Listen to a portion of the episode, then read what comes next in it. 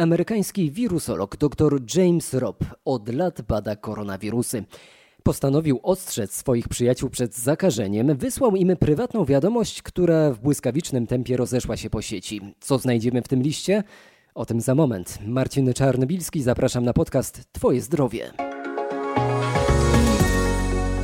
Właściwie jest to zbiór praktycznych wskazówek, jak ochronić się przed koronawirusem. W pierwszym punkcie ekspert radzi, by zamiast witania się przez uścisk dłoni, skinąć głową. Po drugie, w obliczu panującej pandemii dotykajmy jak najmniej rzeczy w miejscach publicznych. A jeżeli już musimy na przykład wcisnąć przycisk w windzie lub stop w autobusie, róbmy to kostką zgiętego palca, a do tankowania benzyny zawsze używajmy jednorazowych rękawiczek.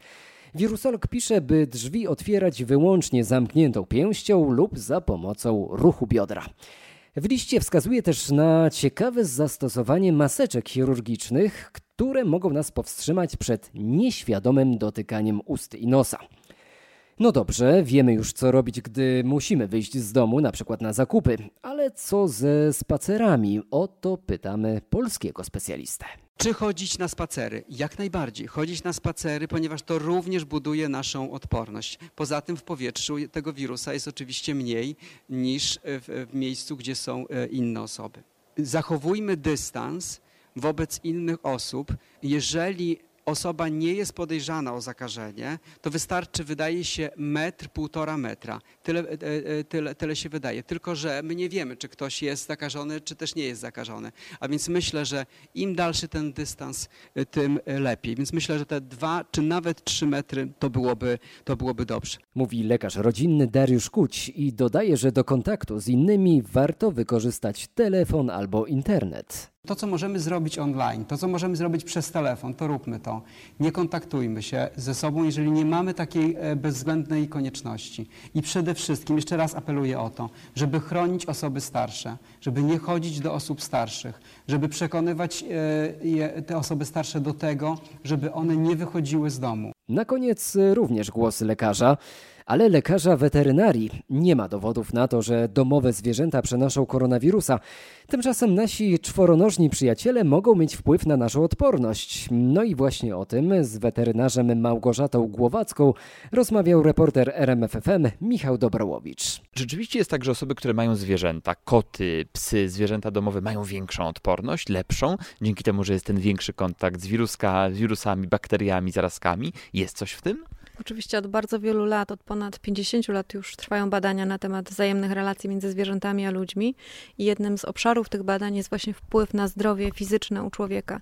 I z kolei jednym z dowodów naukowych, czy wiele dowodów naukowych na ten obszar e, odporności rzeczywiście istnieje i to odporności u dzieci, odporności u osób dorosłych. Okazuje się, że jeżeli mamy kontakt ze zwierzętami i im dłużej ten kontakt w naszym życiu trwa, tym lepiej, tym wyższa jest nasza odporność, tym lepiej radzimy sobie z chorobami zakaźnymi, ze względu na to właśnie, co pan redaktor powiedział, czyli ze względu na to, że nasz układ immunologiczny od dziecka hartuje się, czy trenuje się w rozpoznawaniu antygenów, które są obecne wraz ze zwierzętami w naszym środowisku, dzięki czemu lepiej reagujemy, szybciej reagujemy na te antygeny, które znajdują się właśnie w naszym otoczeniu.